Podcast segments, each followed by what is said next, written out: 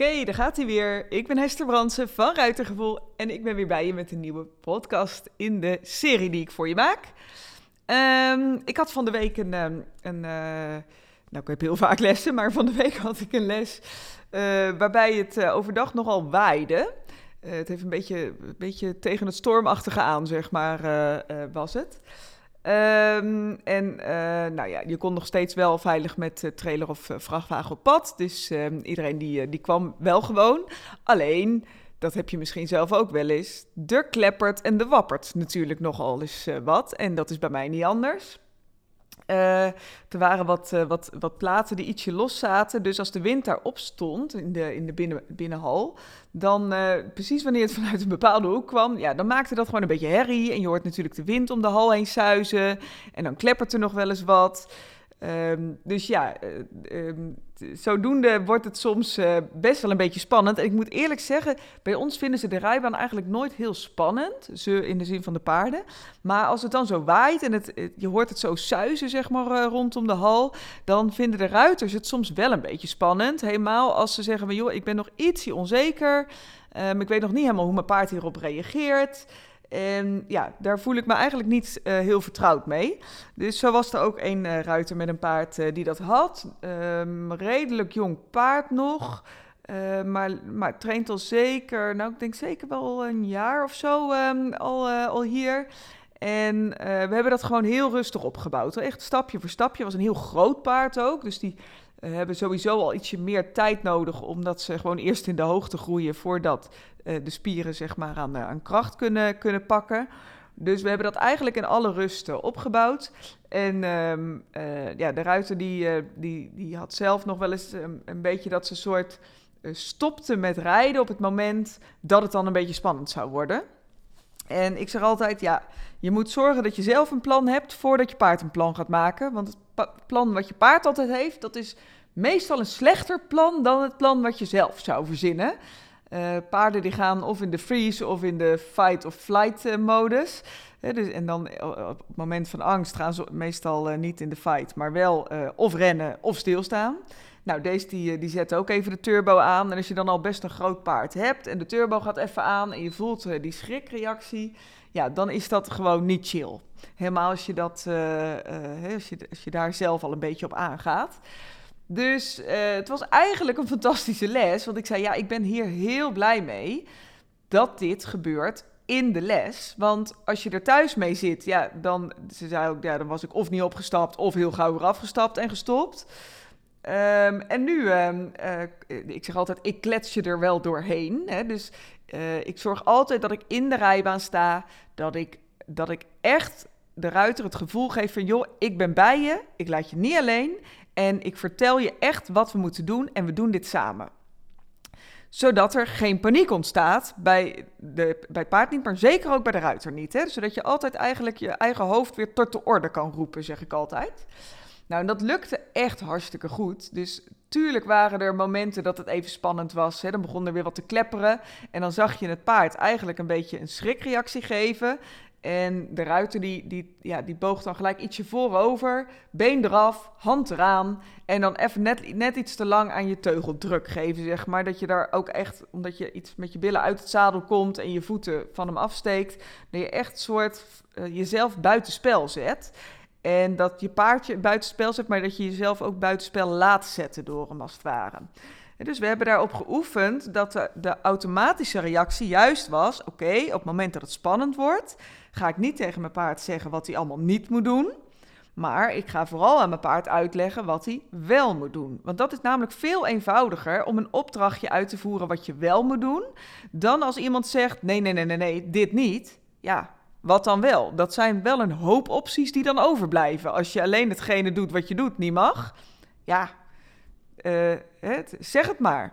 Dus het is ook als voor instructeurs. Hè? Ik doe zelf natuurlijk hetzelfde in de les. Op het moment dat ik je een aanwijzing geef, vertel ik je vooral wat je wel moet doen. En ik ga niet alleen maar zeggen: niet je handen zo hoog, niet je voeten zo afsteken, eh, niet zo voorover duiken. Nou, dat klinkt ook al gelijk heel negatief, hè, als ik het zo zeg. Nee, ik probeer echt te zeggen: oké, weer terug aan je zadel, rustig de verbinding opzoeken. Elke keer je hand weer ietsje los kunnen laten. Hè? Dus niet blijven hangen aan de teugel, zeg maar, maar elke keer gewoon even opnieuw kijken van oké, ben ik weer zacht genoeg? Ehm, en zeker ook vanuit jouw been weer het paard onder jou door naar je hand toe uh, proberen te rijden. Dus ook wanneer de turbo aangaat, ga dan rustig even een voltetje indraaien bijvoorbeeld, hè, zodat je in ieder geval een klein beetje op je binnenkuit weer naar je hand toe kan rijden. Uh, maar nooit afsteken op je been daarin. Nou, dus dat hebben we, dat hebben we gedaan. Um, uh, het bleef waaien en dan trekt het weer iets weg en dan zwelt het weer wat aan. Nou, je weet hoe dat gaat. Dus het was ook heel onverwachts en het was gewoon super cool, want het, het paard zag je eigenlijk steeds meer uh, terug de focus pakken naar de ruiter. En de ruiter die kon steeds beter voorkomen dat ze in de freeze-stand schoot zelf. Hè, dus stopte met rijden. Maar juist voelde van, hé, hey, als ik hem nou blijf vertellen wat hij vooral wel moet doen. Hè, dus we gaan wel het achterbeen eronder doorzetten. We gaan wel de verbinding opzoeken. We gaan wel een bepaalde kant op. Dat dat veel makkelijker was dan als het paard het op een lopen zette wat hij trouwens niet eens deed hoor, maar even, dat hij een schrikreactie gaf. En dat je eh, vooral zegt ho en nee. Want dan wat? Hè? Dan onderbreek je echt heel erg je, je rit. Dus we hebben ons heel erg gefocust op wat dan wel. En dat heb ik naar de ruiter gedaan en de ruiter weer naar het paard gedaan. En zo was de cirkel eigenlijk weer rond. En konden we eigenlijk best wel snel gewoon en stappen en draven en linksom en rechtsom en gewoon allebei de kanten ook een hartstikke fijn galopje uh, een aantal keren pakken. dus uh, ze zei ook van, joh, dit had ik thuis nooit gedaan. Was ik zeker niet in galop gegaan. En, uh, en, zeker ook niet de moeilijke galopkant. Hè? Dus je hebt wel eens een wat een makkelijkere kant en een wat moeilijkere kant. Nou, en eigenlijk alles lukte, lukte daarin. Dus um, ondanks dat we niet heel veel, zeg maar, oefeningetjes... en ik, je, je, ziet mij nu niet, maar ik maak dus met mijn handen van die aanhalingstekens... want ik rij eigenlijk nooit met oefeningetjes. Maar dus, dus ondanks dat we dat niet gedaan hebben...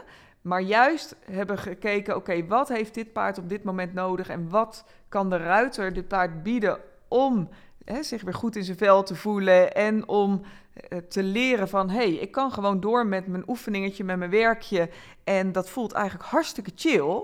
Ja, dat maakte natuurlijk de winst van deze les. En dat maakt ook weer dat ik haar een soort met gerust hart naar huis kon sturen. Want ook als het thuis dan een keer waait of wappert of uh, dat, de, dat de winter een keer ronder komt, dan weet je, oké, dit is wat mijn paard doet erop. En zo kan ik daarmee omgaan. Ja, dat is gewoon een hartstikke mooie les. Dus uh, juist als uh, dingen een beetje spannend zijn, of juist als je moeilijke stukjes tegenkomt in, je, in de opleiding van je paard, juist dan moet je naar de les. En ik heb ook wel eens ruiters gehoord die, die dan uh, heel graag willen komen, maar die zeggen dan: Ja, maar ik vind dat ik nog niet goed genoeg kan rijden, of ik ga eerst dit of dit even oplossen, of ik moet eerst zorgen dat ik dat en dat kan, en dan ga ik met les beginnen. Ja, dan denk ik altijd: Nee. Juist wanneer je voelt, hé, hey, ik heb nog wat dingetjes waar ik eigenlijk aan zou willen werken. Uh, omdat ik weet dat, hè, dat dit nog een beetje, beetje uh, aandacht nodig heeft. Juist dan moet je komen.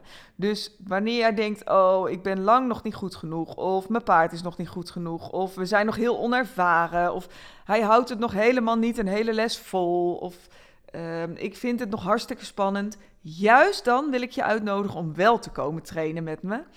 Uh, want dan kan ik je juist het beste helpen. En dan zal je zien, dan gaat het thuis ook heel snel beter.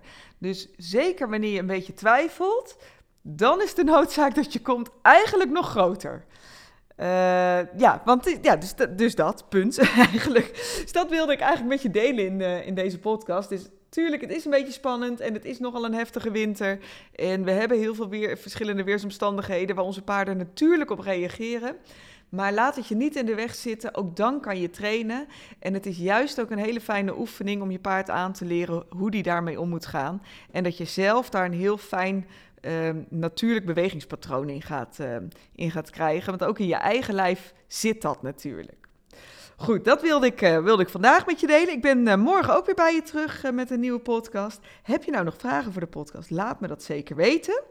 Um, en lijkt het je leuk om meer hiervan te horen? Ik heb ook een heel fijn e-book geschreven, de vier elementen van een correcte houding en zit. Ik zal even het linkje delen in de show notes.